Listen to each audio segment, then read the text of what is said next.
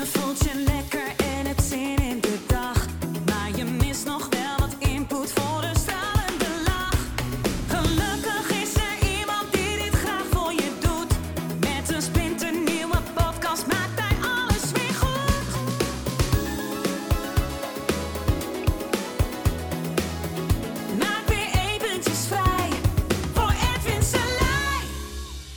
Gisteren was ik bij Richard de Let en eh, om een eh, dag te verzorgen voor eh, zijn oersterkopleiding. Superleuke groep, level 3, ging over business. En ehm, nou, daar heb ik ook wel wat verstand van. Hè. We zijn nu met 18 mensen. Ehm, ja, we, we draaien uh, supergoed. Seminars, ja, die zijn, eh, die zijn goed allemaal. Of tenminste, weet je wel, de, de groepen. het wordt steeds mooier, wordt steeds groter. Er zijn trouwens nog eh, tickets voor het seminar nu nog voor deze prijs. Maandag gaat dat omhoog. Dus dan weet je dat, mocht je dit luisteren, denk je, ah, daar wil ik ook wel eens een keer naartoe, naar zo'n seminar. Ehm, kijk even op de website hypnoseinstituutnederland.nl en dan eh, zoek even het seminar op, Ehm, want maandag gaat de prijs omhoog. Het seminar 28 en 29 maart. Nou goed, Ehm, dat even terzijde. Hè, maar vroeger, vroeger, jaren geleden, ja, waren de groepjes voor mij eh, zes mensen. En de opleiding zaten er vier in. Ja, en dat is allemaal wel veranderd. Ja, dus ik, ik weet wat zeg maar die beginners, hè, want deze mensen waren, nou niet allemaal moet ik zeggen, maar heel veel waren aan het begin van hun praktijk, het begin van hun ondernemerschap. Ehm, en ik weet wat ze ongeveer gaan meemaken op die weg. Ja, dus, ehm, dus dan is dat super leuk om, eh, om die mensen te helpen. Ehm, en als ik nu zou beginnen, hè, overnieuw zeg maar, zou ik het heel anders doen. Ik zou meteen anders gaan denken, omdat ik nu eh, weet wat er gaat gebeuren. En dat herken je misschien wel.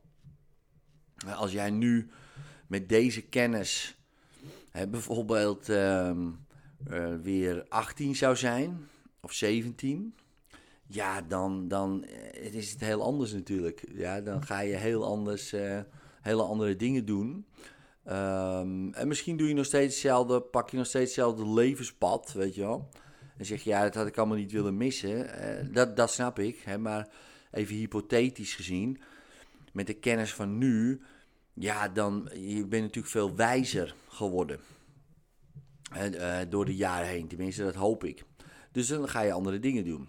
Dus dan is het handig als, eh, als er soms iemand is die daar al is geweest en zeggen, nou, dit zou je kunnen gaan meemaken. En natuurlijk is het allemaal een persoonlijk pad, eh, maar dat kan. Nou, en een van die dingen is eh, de rollen. Nou, en ehm, de, de rol van de ondernemer. Kijk, als je bijvoorbeeld een praktijk begint, eh, dan stap je in de rol van ondernemer. Maar, maar, in wezen ben je nog steeds eh, dezelfde. eh, die bijvoorbeeld je vak leuk vindt. Hè? Stel je voor, ik ben een bakker en ik ga voor mezelf beginnen. Ja, dan ga ik nog steeds bakken. Weet je, ik vind het leuk om bakker te zijn. Ik ben niet per se een ondernemer, al krijg ik in wezen die rol er wel bij. Maar ik krijg ook de rol erbij van manager, van marketeer, van sales, van research and development, van HR, van finances. Dus ik, ik krijg allemaal, allemaal eh, quality control in het geval van de bakken. Eh, ik, krijg, krijg al die, al die eh, dingen erbij, met allemaal nog subgroepjes hè, dus, erbij. Operations, niet te vergeten. Zijn e-mails moeten ook beantwoorden. Misschien moet zijn Facebookpagina geüpdate worden. Weet ik het allemaal met het nieuwste brood? Geen idee. Ehm, maar echt heel veel rollen erbij. Maar die man of die vrouw, die wil al gewoon alleen maar bakken.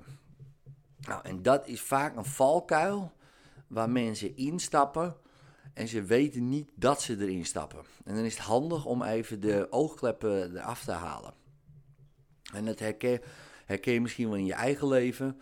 Hè, je stapt ergens in, bijvoorbeeld, eh, nou ja, een leuke hobby. Dus eh, bijvoorbeeld, eh, ik, je gaat naar een sportschool. Ja, en opeens denk je, oh ja, moet ik dit erbij hebben? Niet per se, per se andere rollen hoeft aan te nemen. Maar misschien wordt er een andere rol gecreëerd, een sporter. Ja, en wat betekent dat dan? En misschien ben je, word je ook opeens, ga je op je voeding letten. Dan word je misschien wel een voedingsspecialist, komt erbij. Misschien ga je wel meer eh, kijken van, oké, hoe het lichaam werkt. En word je daar, ga je daar, die rol komt erbij, vind je interessant.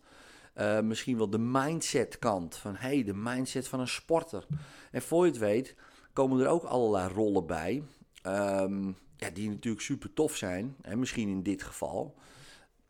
Maar als ondernemer uh, komen die rollen er misschien niet bij, die komen er zeker bij. En dat is een groot verschil. Ja, en dan kan je natuurlijk twee dingen doen. Je gaat je uh, proberen die rol aan te nemen. Ja, dus ik, ik ga een boekhouder zijn. Nou, dan uh, is het in mijn geval niet zo heel handig. Hè, want ik, uh, ik ben niet zo administratief uh, onderlegd. Wel een beetje natuurlijk. Hè. Het is niet zo dat ik, dat ik helemaal blind ben voor die cijfers. Want dat zou echt heel slecht zijn. En je moet je daar zelf in scholen. om te weten wat er uitgaat en wat er inkomt. Dat lijkt me wel handig. Of het überhaupt werkt wat je doet. Hè, maar ja, uh, alles over een grootboekrekening, alles wat erop staat, ja, dat is, de meeste is voor mij abracadabra bijvoorbeeld. Ja, dus die rol heb ik al heel snel uitbesteed aan iemand. Want ik weet, ja, dat is niet mijn, mijn kracht. En andere rollen, um, hè, bijvoorbeeld de sales, de verkoper, ja, die krijg je er ook bij. Je moet jezelf gaan verkopen. En heel veel mensen daar, ook gisteren, en misschien jij ook wel, uh, hadden last van ja, zichzelf zichtbaar maken. Dat is natuurlijk ook een beetje een ding. Hè? Je moet wel zichtbaar zijn. Zichtbaar zijn. Maar ja, wat betekent dat precies? Ja, je moet video's maken. En dan denk ik, ja, van wie moet jij video's gaan maken? Ja, maar ik kan niet schrijven. Maar van wie moet jij schrijven dan? Kijk, dus je moet altijd voor jezelf nagaan. Oké, wacht even. Dit is één grote hypnose natuurlijk. Hè. Mensen willen ook jouw dingen verkopen. Uh, Oké, wil ik dit hebben? Nou, en dan hadden we het in het begin van de, van de ochtend open, over. In principe heb je alles wat je nu uh, koopt, bijna alles, heb je niet echt nodig. Hè. Het enige wat je nodig hebt is eten en drinken en kleding en onderdak, alles wat je daaraan betaalt, heb je echt nodig. En de rest, scholing, zou je kunnen zeggen. Maar zelfs dat wordt al, hè, dat is ook verplicht. Hè, dus, uh, maar goed, laten we aannemen, dat hebben we ook wel nodig. En een basisschool is natuurlijk wel lekker. Maar daarna, ja, heb je dat echt, echt nodig? Kan je zeggen, ja, zeker. Maar is dat echt zo? Ga je anders dood als je het niet uh, hebt? Dan zeg je nee, natuurlijk niet. Als ik mijn VMBO niet haal, of HAVO of, of HBO, ga ik niet dood. Nou, dan heb je het niet echt nodig. Ja, maar in de maatschappij, voor een baan, oh ja, je krijgt geen baan zonder HBO. Jawel, maar niet de baan die ik wil. Oké, je weet precies wat je wil. Nou, dat weten ze meestal ook niet. Hè? Maar vroeger, in 1900, had je alleen zeg maar, marketing. En de marketing was gewoon boter, uh, eh, 10 cent. Er bestond een bordje buiten, dat was het. En dan wist je dat daar boter gekocht, uh, verkocht werd uh, voor 10 cent. Maar nu, sinds de jaren 30, zo'n beetje, is er marketing voor de dingen die je eigenlijk geen needs, maar gewoon ja, benefits eigenlijk. Van ja, dat vind ik wel leuk om te hebben of zo. En dat is een hele andere manier van marketing. Ja, dus dan gaat het niet meer om het boter. Nee, het gaat nu om allerlei eigenschappen van die boter en weet ik het allemaal. Maar ook de dingen, hè, zoals um, nou ja, een laptop. Uh, tuurlijk, je kan een laptop kopen, maar je kan ook een Apple kopen. Nou, en dan, eh, waarom zou je in hemelsnaam een Apple kopen? Die is drie keer zo duur.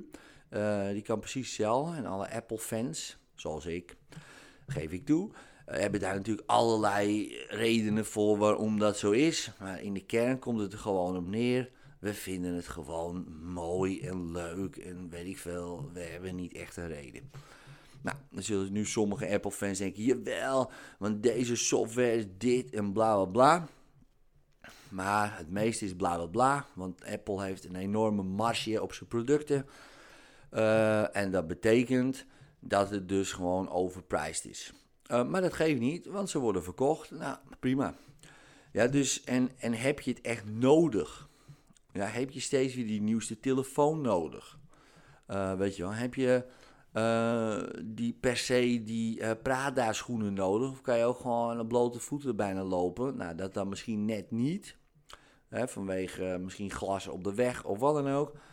En in sommige gebouwen mag het ook niet, volgens mij. Gewoon op blote voeten naar binnen lopen. En dus heb je schoenen, maar dan kan je net zo goed uh, bij Scarpino een paar schoenen halen. Of zoals mijn zoon zou zeggen, Scherpino. En dus, uh, dus daar kunnen we daarheen.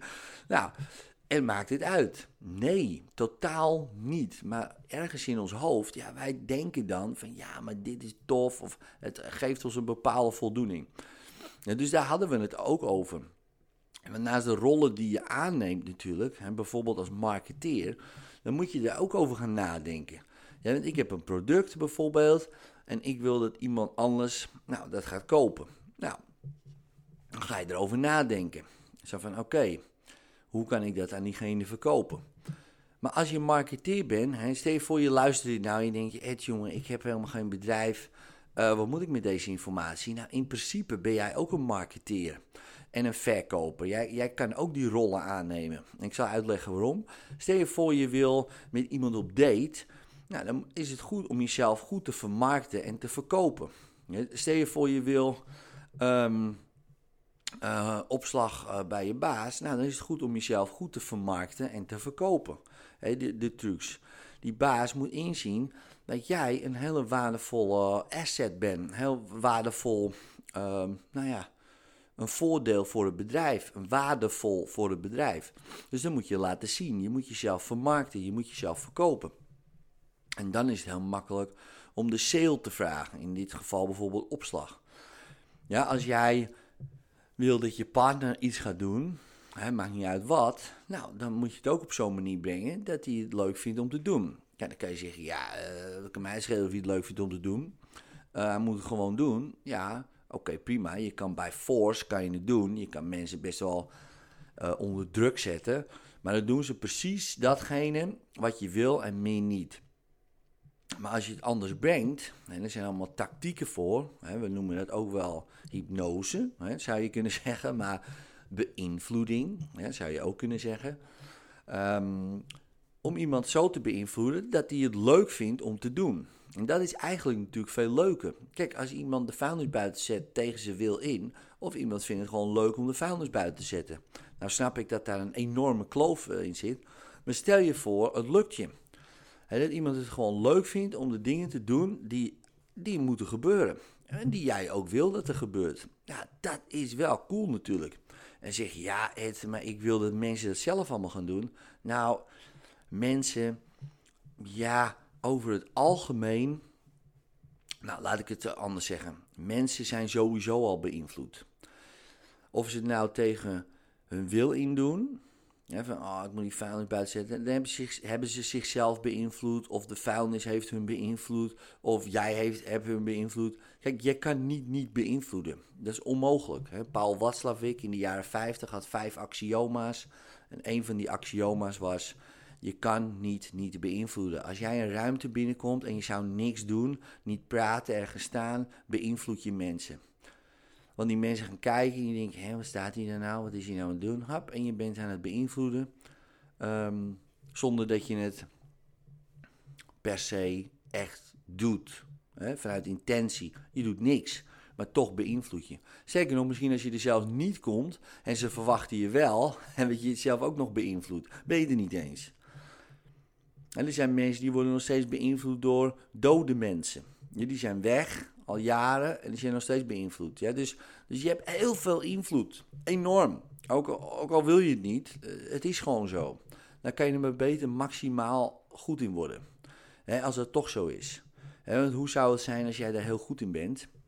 Ja, dan, dan wordt het een heel ander, uh, heel ander verhaal natuurlijk. En dat niet alleen, als je dat gebruikt voor het goede, want daar gaat het mij om. Dat is ook het meest handige. Kijk, manipuleren, iemand iets laten doen wat hij niet wil, ja, dat kan. Hè, dus dat kan. Stel je voor, hij komt erachter, ja, dan doet hij nooit meer iets voor je. Beïnvloeden, hè, dus beïnvloeden op zo'n manier dat hij het leuk vindt om te doen, is te gek, want hij blijft het leuk vinden om te doen. Sterker nog, hij vindt het ook te gek dat jij dat voor, die, voor hem hebt betekend. En stel je voor, ik beïnvloed iemand met hoogtevrees. Die durft niet uh, in een flat te gaan, maar die heeft hoogtevrees. Ik beïnvloed hem zo dat hij het leuk vindt om in een flat te gaan. Is dat slecht? Nee, dat is fantastisch. Want diegene die heeft een enorme vrijheid. Ja, dus, dus die rollen ja, zijn denk ik voor jou ook als je dit luistert. En ook al zonder dat je een bedrijf hebt, om te bedenken: oké, die rollen, mijn financiën, is belangrijk. Mijn eigen administratie is belangrijk, net als voor een ondernemer. Maar ook de ondernemerrol. Wat wil ik ondernemen in mijn leven? Ja, mezelf vermarkten. Op wat voor manier dan ook. misschien ga je op date. Nou, dan wil je jezelf wel goed vermarkten. En verkopen, sales ga je daarin verdiepen. Want er zijn allemaal goede structuren en ideeën voor. Ja, dus je hoeft het niet alleen te zien, ja, maar dat hoort bij een bedrijf. Maar jij bent ook een bedrijf met allerlei rollen. Jij hebt ook allerlei contexten waarin je kan verbeteren en beter in kan worden. Ja, dus, nou, doe je voordeel mee. En um, tot de volgende podcast. Later.